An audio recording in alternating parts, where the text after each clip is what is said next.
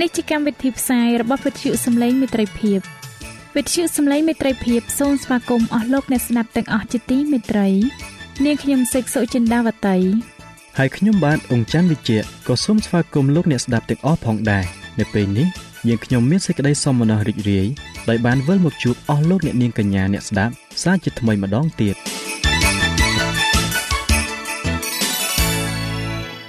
នាងខ្ញុំសេកសុចិន្តាវតី សូមជម្រាបជូនកម្មវិធីផ្សាយដែលមានជាបន្តបន្ទាប់ដូចតទៅនេតិជួបជាមួយព្រះបន្ទូលនេតិសុខភាពចា៎លោកអ្នកស្ដាប់ជាទីមេត្រី នាងខ្ញុំសូមគោរពអញ្ជើញអស់លោកលោកស្រី អ្នកនាងកញ្ញាតាមដានស្ដាប់កម្មវិធីផ្សាយរបស់វិទ្យុយើងខ្ញុំដូចតទៅ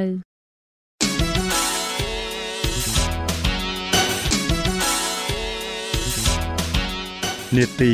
ជួបជាមួយព្រះបន្ទូល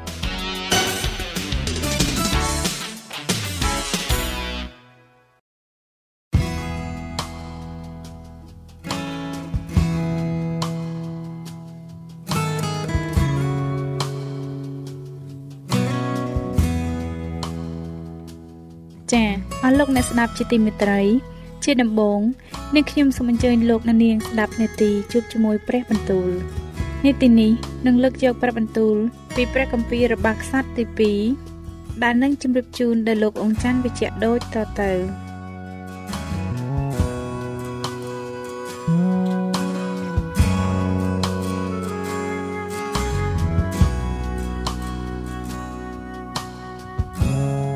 ព្រះគម្ពីររបស់ខ្សត្រទី2ចំពុកទី21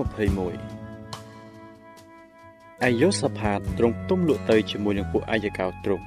គេបញ្ចុះសពនៅជាមួយនឹងពួកអាយកោទ្រង់នៅក្នុងក្រុងដាវីតរួចយូរ៉ាមជាព្រះរាជបុត្រាក៏ឡើងសោយរាជជំនួសព្រះបិតាយូរ៉ាមមានកននិថាជាបុត្រារបស់យូសាផាត គឺអាសារៀយេហ៊ីអែលសាការីអេសារៀមីកែលនិងសេផាធា នេះសុទ្ធតែជាបុត្ររបស់យូសាផាត ស្ដេចសាសអ៊ីស្រាអែលព្រះបិតាទ្រង់ក៏ចែករបស់ទ្រព្យជាច្រើនដល់បុត្រទាំងនោះ គឺប្រាក់មាសនិងរបស់មានតម្លៃព្រមទាំងទីក្រុងមានបន្ទាយនៅស្រុកយូដាផងតែត្រង់ឯរាជនោះបានប្រទានដល់យូរ៉ាមវិញពីព្រោះទ្រង់ជាព្រះរាជបុត្រច្បងកាលយូរ៉ាមបានឡើងគ្រប់គ្រងរាជរបស់ព្រះបិតាហើយមានអំណាចចម្រើនឡើងនោះទ្រង់ក៏សម្លាប់កនិដ្ឋាទាំងប៉ុន្មានដោយដើរទៅ ព្រមទាំងពួកដែលជាប្រធានក្នុងសាសអ៊ីស្រាអែលជាច្រើនដែរកាលយូរ៉ាមចាប់តាំងសោយរាជឡើងនោះទ្រង់មានប្រជញ្ញ32ឆ្នាំហើយក៏សោយរាជនៅក្រុងយេរូសាឡឹមបាន8ឆ្នាំទ្រង់បានដើរតាមផ្លូវរបស់ពួកស្ដេចអ៊ីស្រាអែល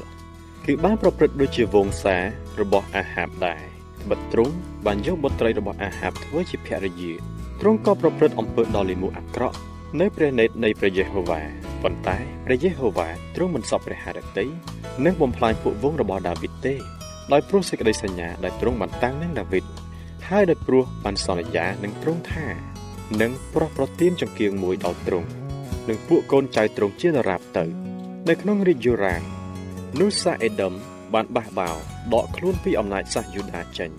ហើយគេក៏តាំងឲ្យមានស្ដេចគ្រប់គ្រងលើខ្លួនវិញ នោះទ្រង់យាងឆ្លងទៅឯគេមានទាំងពួកមេតបនិងរទេះចម្បាំងទាំងប៉ុន្មានរបស់ទ្រង់ផងទ្រង់ក្រោកឡើងទាំងយប់ទៅវាយពលតបនិងពួកមេរទេះចម្បាំងរបស់សាសអេដុំដែលបានមកឡោមព័ទ្ធទ្រង់នោះប៉ុន្តែសាសអេដុំបានបះបោរដកខ្លួនពីអំណាចសាសយូដាដរាបដល់សពថ្ងៃនេះគ្រានោះពួកក្រុងលីបណាក៏បះបោរដកខ្លួនពីក្រោមអំណាចទ្រង់ដែរ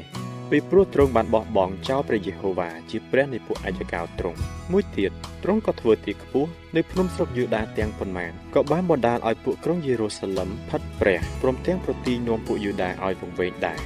នោះមានសម្បត្តិមកពីហោរ៉ាអេលីយ៉ាដល់ទ្រង់ថាព្រះយេហូវ៉ាជាព្រះនៃដាវីតព្រះបិតាទ្រង់បានមានបន្ទូលថាដោយព្រោះទ្រង់មិនបានដើរតាមផ្លូវរបស់យូសាផាតជាព្រះបិតាទ្រង់និងផ្លូវរបស់អេសាជាស្ដេចយូដា គឺបានដើរតាមផ្លូវរបស់ពួកស្ដេចអ៊ីស្រាអែលវិញ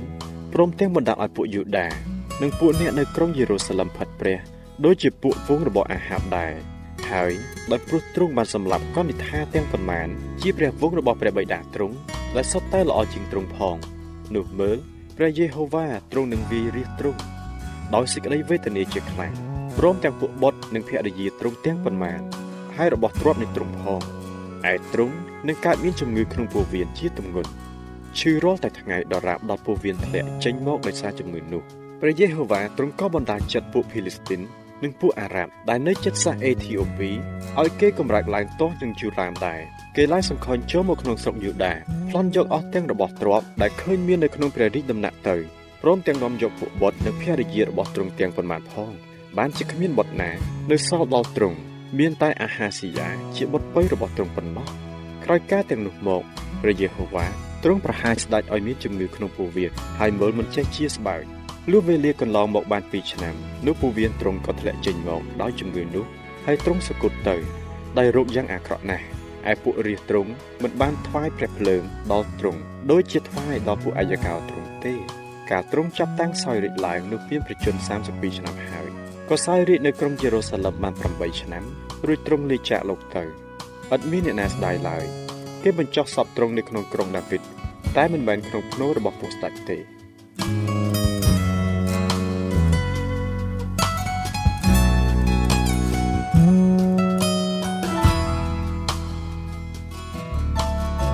ព្រះគម្ពីររបស់ខ្សត្រទី2ចំពុកទី22ពួកអ្នកក្រុងយេរូសាឡិមគេតាំងអាហាស៊ីយ៉ាជាព្រះរាជបុត្រាពៅរបស់ទ្រង់ឡើងធ្វើជាស្ដេចជំនួសព្រះបិតា ដោយព្រោះកងទ័ពខាងសាសអារ៉ាប់ដែលឡើងមកឯទីបោះទ័ពគេបានសម្លាប់ប្រជាថាទ្រង់ទាំងអស់ទៅគឺយ៉ាងនេះដែលអាហាស៊ីយ៉ាជាព្រះរាជបុត្រាយូរ៉ាមស្ដេចយូដាបានសោយរាជឡើងកាលអាហាស៊ីយ៉ាចាប់តាំងសោយរាជឡើងនោះទ្រង់មានប្រជជន42ឆ្នាំហើយក៏សោយរាជនៅក្រុងយេរូសាឡិមបានមួយឆ្នាំព្រះមេដាទ្រង់ព្រះនាមជាអាថាលៀជាបុត្រីអំរីទ្រង់ក៏ដើរតាមផ្លូវរបស់ពូជវង្សអាហាប់ដែរ ពីព្រោះព្រះមេដាទ្រង់ជាអ្នកជួយគំនិតឲ្យធ្វើអំពើល្អអាក្រក់ហើយទ្រង់ប្រព្រឹត្តអំពើដ៏លិមួអាក្រក់នៅព្រះនេតនៃព្រះយេហូវ៉ាដូចជាពូជវង្សរបស់អាហាប់ដែរត្បិតក្រោយដែលព្រះបិតាទ្រង់បានសគត់ទៅហើយពួកនោះជាអ្នកដឹកនាំគំនិតទ្រង់ដល់រាបដល់ទ្រង់ត្រូវវិនិច្ឆ័យទ្រង់ចេះតែប្រព្រឹត្តតាមដំបូន្មានរបស់គេក៏ទៅជាមួយនឹងយូរ៉ាមជាព្រះរាជបុត្រាអាហាប់ស្ដេចអ៊ីស្រាអែលដើម្បីច្បាំងនឹងហាសែលជាស្ដេចស្រុកសេរីត្រង់ក្រុងរ៉ាម៉ូតកាឡាដែរ ឯពួកសេរីគេធ្វើឲ្យយូរ៉ាមមានរបួសរួចទ្រង់វិលទៅឯក្រុងយេស្រាអែលវិញ ដើម្បីមើលរបួសឲ្យជាដែលគេបានធ្វើទ្រង់នៅត្រង់រ៉ាម៉ាក្នុងកាលដែលទ្រង់ច្បាំងនឹងហាសែលស្ដេចសេរីរួចអាហាស៊ីយ៉ាជាព្រះរាជបុត្រាយូរ៉ាម ស្ដេចយូដាទ្រង់ក៏យាងទៅដល់យេស្រាអែលក៏យូរ៉ាមជាព្រះរាជបុត្រាអាហាប់ដែលទ្រង់ប្រជូនព្រះឯកាដែលអាហាស៊ីយ៉ាបានទៅកលយូរ៉ាមនោះកើតមកអំពីព្រះទេដើម្បីឲ្យទ្រង់ត្រូវវិញ្ញា បើការទ្រង់បានទៅដល់ហើយនោះក៏យើងចេញទៅជាមួយនឹងយូរ៉ាមទាស់នឹងយេហ៊ូជាកូននឹមស៊ីជាអ្នកដែលព្រះយេហូវ៉ាបានចាក់ប្រេងតាំងឡើងឲ្យបានបំផ្លាញវងរបស់អាហាប់ចេញហើយកាលយេហ៊ូកំពុងតែសម្រេចទោសដល់វងរបស់អាហាប់នោះលោកក៏ប្រទះឃើញពួកអ្នកខ្លះដែលជាពូជពងស្ដេចយូដាគឺជាបុត្ររបស់ពួកជាថាអាហាស៊ីយ៉ាដែលជាចំណិតទ្រង់ហើយលោកសម្លាប់គេទាំងអស់ទៅលោកក៏រកអាហាស៊ីយ៉ាដែលពួននៅក្រុងសាម៉ារីដែរ ហើយគេចាប់ទ្រង់នាំមកដល់យេហ៊ូរួចគេសម្លាប់បង ហើយកប់សពទ្រង់ទៅដោយថាទ្រង់ជាបុត្រយូសាផាតតែបានស្វែងរកព្រះយេហូវ៉ាអស់ពីព្រះតីដូច្នេះក្នុងវងរបស់អាហាស៊ីយ៉ាគ្មានអ្នកណាមួយអាចនឹងគ្រប់គ្រងរាជបានឡើយឯព្រះនាងអាថាលីជាព្រះមេដាអាហាស៊ីយ៉ាកាលឃើញថាព្រះរាជបុត្របានសុគតហើយនោះព្រះនាងក៏ចាត់ចែងបំផ្លាញពូជពងលួងក្នុងវង្សានុវង្សនៃពួកយូដាទាំងអស់ទៅ ប៉ុន្តែយូសេបា ជាព្រះរាជបុត្រីស្ដេចនាងលួចយកយូអាសជាបុត្រាអាហាស៊ីយ៉ាចេញពីពួកព្រះរាជបុត្រា ដែលត្រូវគេសម្លាប់ទាំងប៉ុន្មាននោះទៅបំពួនទុកព្រមទាំងមេនំនៅក្នុងបន្ទប់គឺយ៉ាងនោះដែលយូសេបា ជាព្រះរាជបុត្រីស្ដេចយូរ៉ាមប្រពន្ធរបស់យេហូយ៉ាដាដ៏ជាសង្ឃត្រូវជាកនិដ្ឋារបស់អាហាស៊ីយ៉ាបានបំពុនទ្រង់ឲ្យរួចពីព្រះនាងអាថាលីដើម្បីកុំឲ្យត្រូវស្លាប់ទ្រង់ក៏នៅជាមួយនឹងគេ លាក់ទុកក្នុងព្រះវិហារនៃព្រះអស់6ឆ្នាំ កំពុងតែព្រះនាងអាថាលីគ្រប់គ្រងរាជនៅ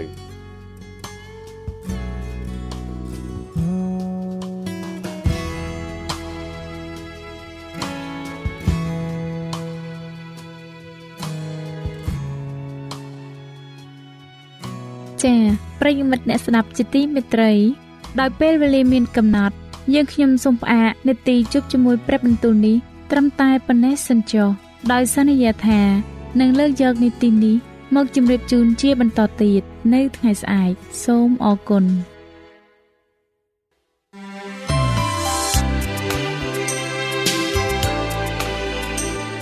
វិទ្យុសំឡេងមេត្រីភាព AWR នាំមកជូនលោកអ្នកនៅសារនៃសេចក្តីស្រឡាញ់ពីព្រះអង្គម្ចាស់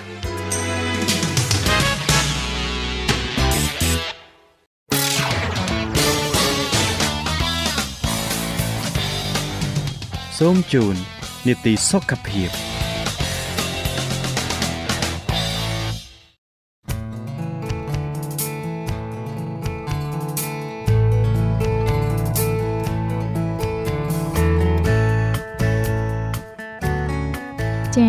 នៅក្នុងនីតិសុខភាពនៅថ្ងៃនេះនាងខ្ញុំសូមគោរពអញ្ជើញអស់លោកអ្នកនាងតាមដានស្ដាប់មេរៀនសុខភាពដែលនឹងជម្រាបជូនដោយកញ្ញាឌីណាដូចតទៅ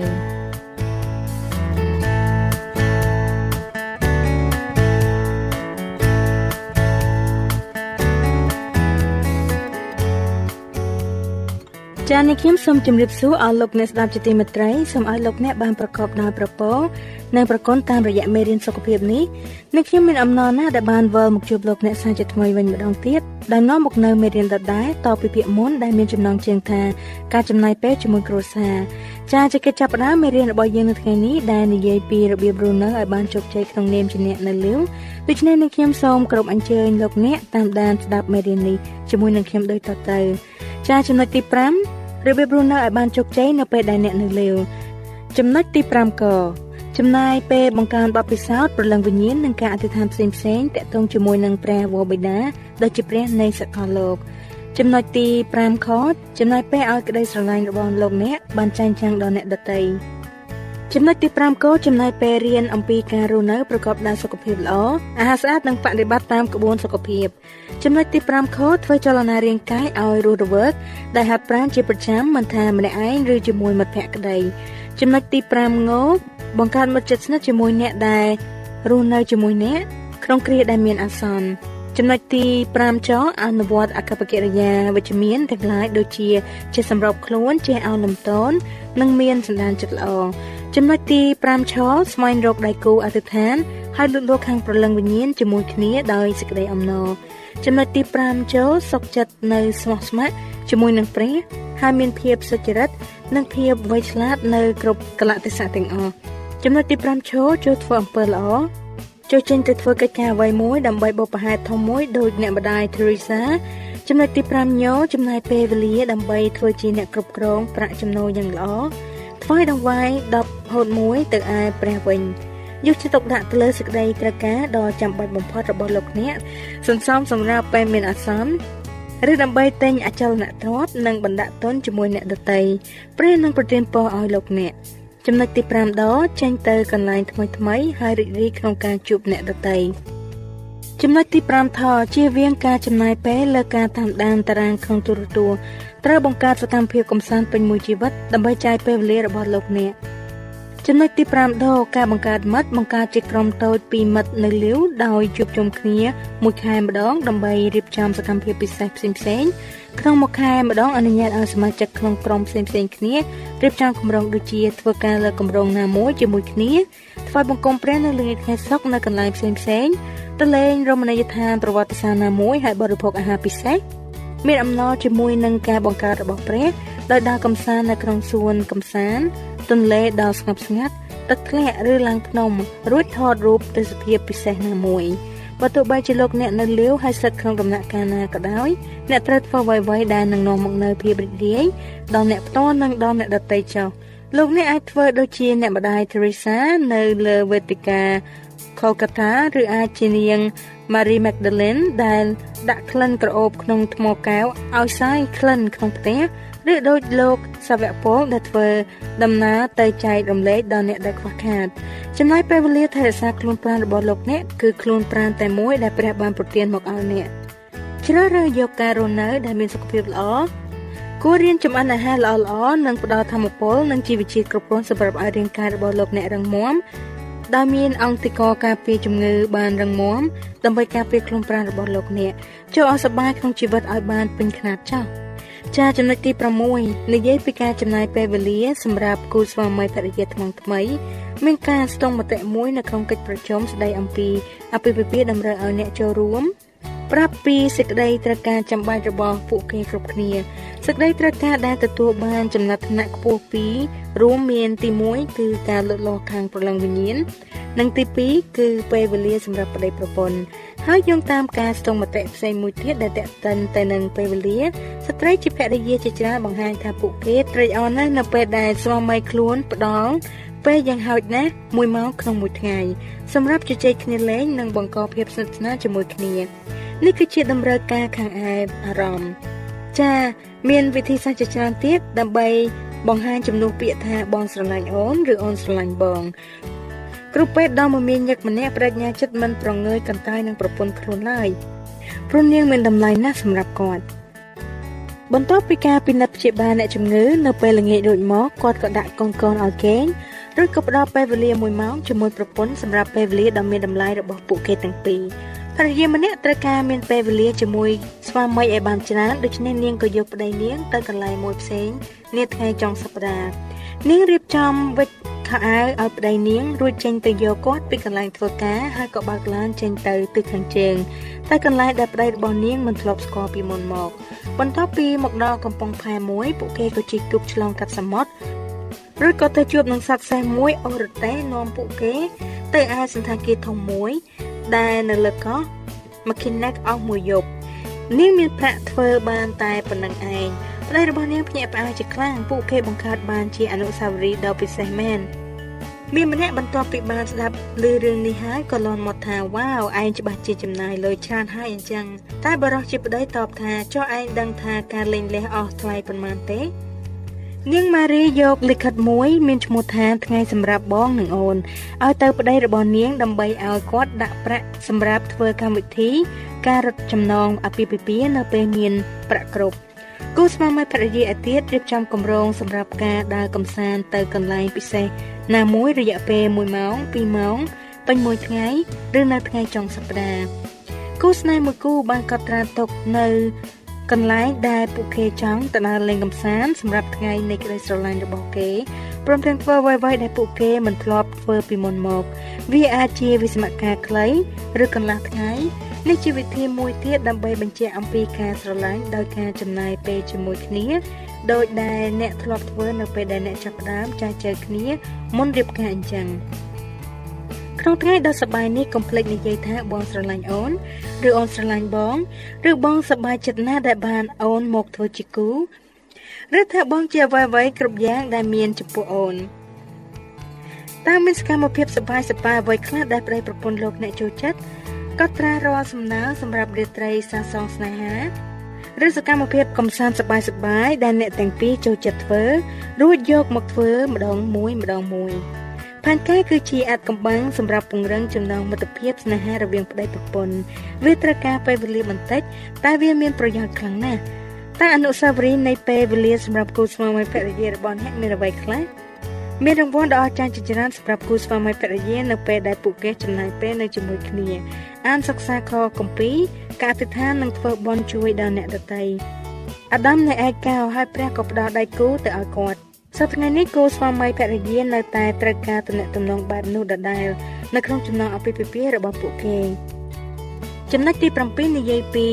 ពេលវេលាសម្រាប់កូនកូនរបស់លោកអ្នកឪពុកម្ដាយក៏អាចផ្ដល់រង្វាន់ភ្ញាក់ផ្អើលដល់កូនរបស់ខ្លួនជាសកម្មភាពពិសេសដែលរៀបចំទុករួចជាស្រេចផងដែរដូចជាដំណើរកម្សាន្តទៅបោះជំរំមួយថ្ងៃជិះទូកតាមស្ទឹងដើរទិញអីវ៉ាន់ជាមួយម្ដាយឬមើលការប្រកួតបាល់ជាមួយឪពុកជាដើមឡា ស្វាមីភរិយាដែលមានកូនប្រុសជំទង់រកឃើញថាពួកគេចង់បានកូនមួយទៀត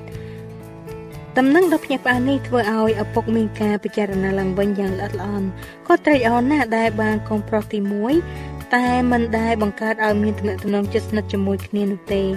ព្រោះគាត់ចាប់រវល់ធ្វើដំណើរចុះឡើងរឿងចំនួនរបស់គាត់ក្នុងកំឡុងពេលដែលកូនប្រុសនៅក្មេងគាត់មានពេលនៅជាមួយគ្នាតិចតួចណាស់ ដល់ឥឡូវកូនប្រុសនេះធំដឹងក្តីឡើងលែងមានពេលសម្រាប់ឪពុកវិញសរុបមកគឺថាឪពុកត្រូវដឹងថាគាត់មិនទាន់បាត់បង់ភាពជាឪពុកសម្រាប់កូននៅឡើយទេអញ្ចឹងហើយបានជាគាត់ចង់បានកូនមួយទៀតខណៈដែលថ្ងៃសម្រាប់កូនកាន់តែខិតជិតពុកដល់បរិះជាឪពុកក៏ចាប់ផ្ដើមធ្វើសកម្មភាពខុសពីការលើកមុន តាំងកូនទៅតែកើតមកគាត់បីត្រកងជាច្រើនលើសលប់ច្រៀងបំពេព្រមទាំងលេងជាមួយកូននោះយ៉ាងញឹកញាប់ហើយនៅពេលដែលកូននោះធំដឹងក្តីឡើងគេទាំងពីរមានទំនាក់ទំនងជាមួយ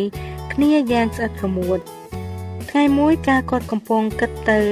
អតីតកាលវិញគាត់ក៏ប្រាប់មិត្តគាត់ម្នាក់ថាឃើញទេគ្នាខកចិត្តមិនបានធ្វើល្អច្រើនណាស់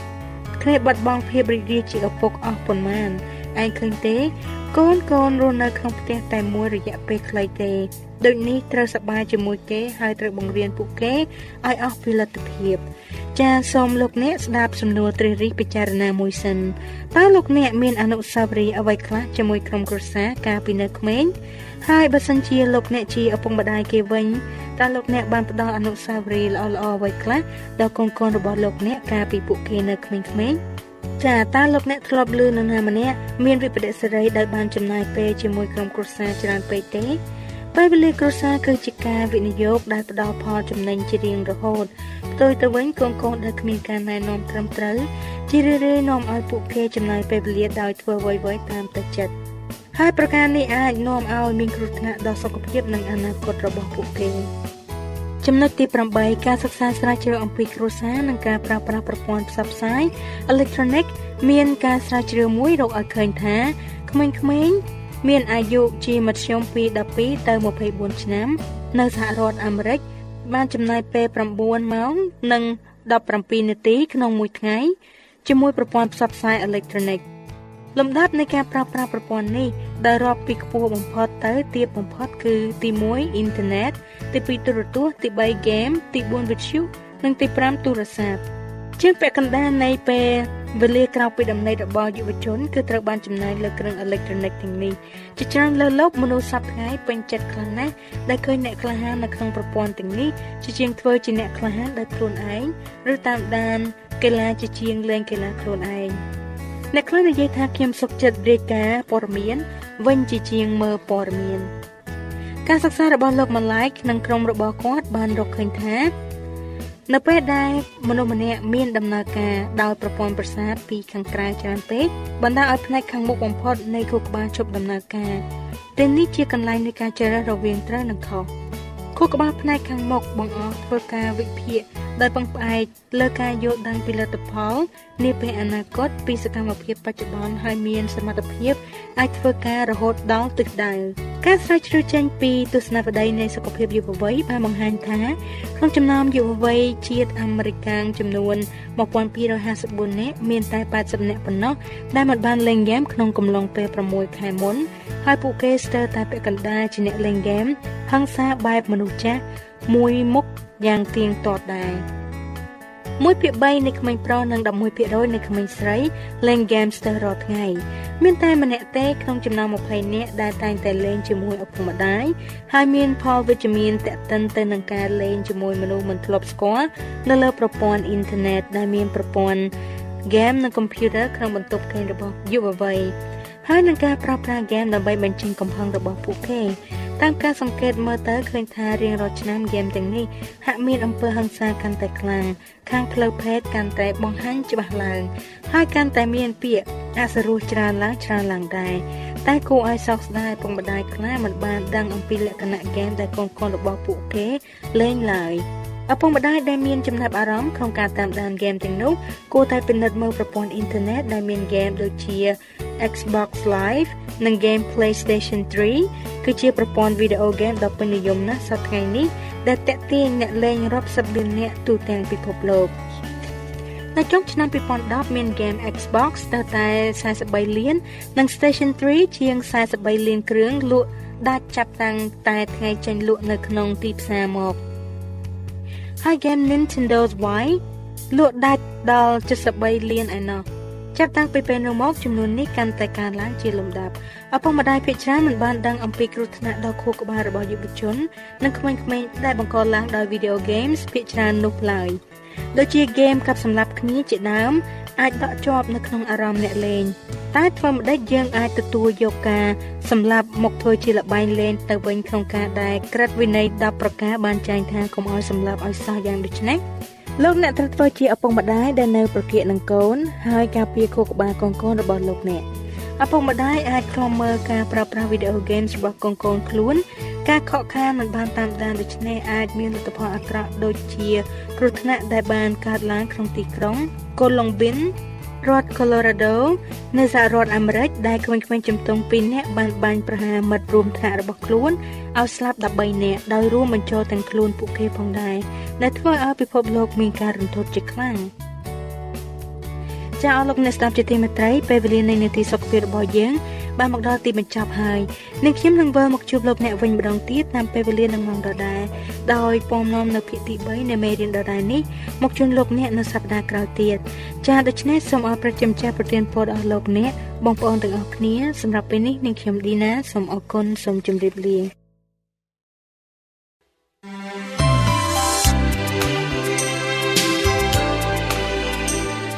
វិទ្យុសំឡេងមេត្រីភាព AWR មានផ្សាយពីរដងក្នុងមួយថ្ងៃគឺព្រឹកនៅម៉ោង6និងពេលយប់នៅម៉ោង8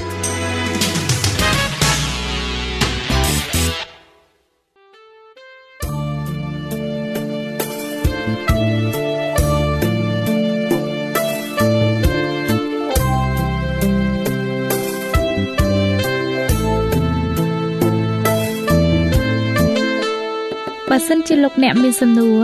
ឬសំណុំពរអ្វីសូមតាក់ទងមកការិយាល័យវិទ្យុយើងខ្ញុំ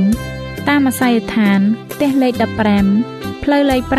568សង្កាត់បឹងកក់2ខណ្ឌទួលគោករាជធានីភ្នំពេញលោកអ្នកក៏អាចសរសេរសម្បត្តិផ្ញើមកយើងខ្ញុំ តាមរយៈប្រអប់សម្បត្តិលេខ488ភ្នំពេញឬតាមទូរស័ព្ទលេខ012 34 96 64ឬ097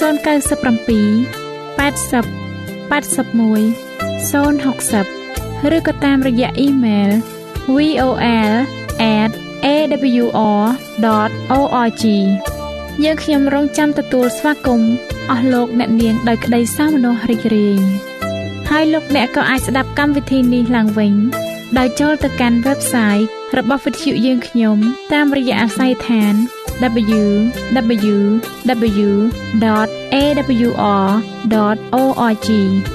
លោកអ្នកនាងកញ្ញាជាទីមេត្រី កម្មវិធីផ្សាយរបស់វិទ្យុសំឡេងមេត្រីភាពនៅពេលនេះសូមបញ្ចប់តែប៉ុណ្ណេះយើងខ្ញុំសូមអរគុណចំពោះការតាមដានស្ដាប់របស់អស់លោកអ្នកតាំងពីដើមរហូតដល់ចប់យើងខ្ញុំសូមជូនពរឲ្យអស់លោកអ្នកនាងកញ្ញាទាំងអស់ បានចម្រើនឡើងក្នុងព្រះគុណព្រះអង្គម្ចាស់ហើយក្នុងការទទួលយកព្រះយេស៊ូវគ្រីស្ទជាព្រះអង្គម្ចាស់និងជាព្រះអង្គសង្គ្រោះនៃយើងរាល់គ្នានាទីផ្សាយរបស់វិទ្យុយើងខ្ញុំនឹងវិលមកជួបអស់លោកអ្នកសាជាថ្មីម្ដងទៀតនៅថ្ងៃស្អែកវេលាម៉ោងដដែលនាងខ្ញុំសេកសុចិន្តាវតី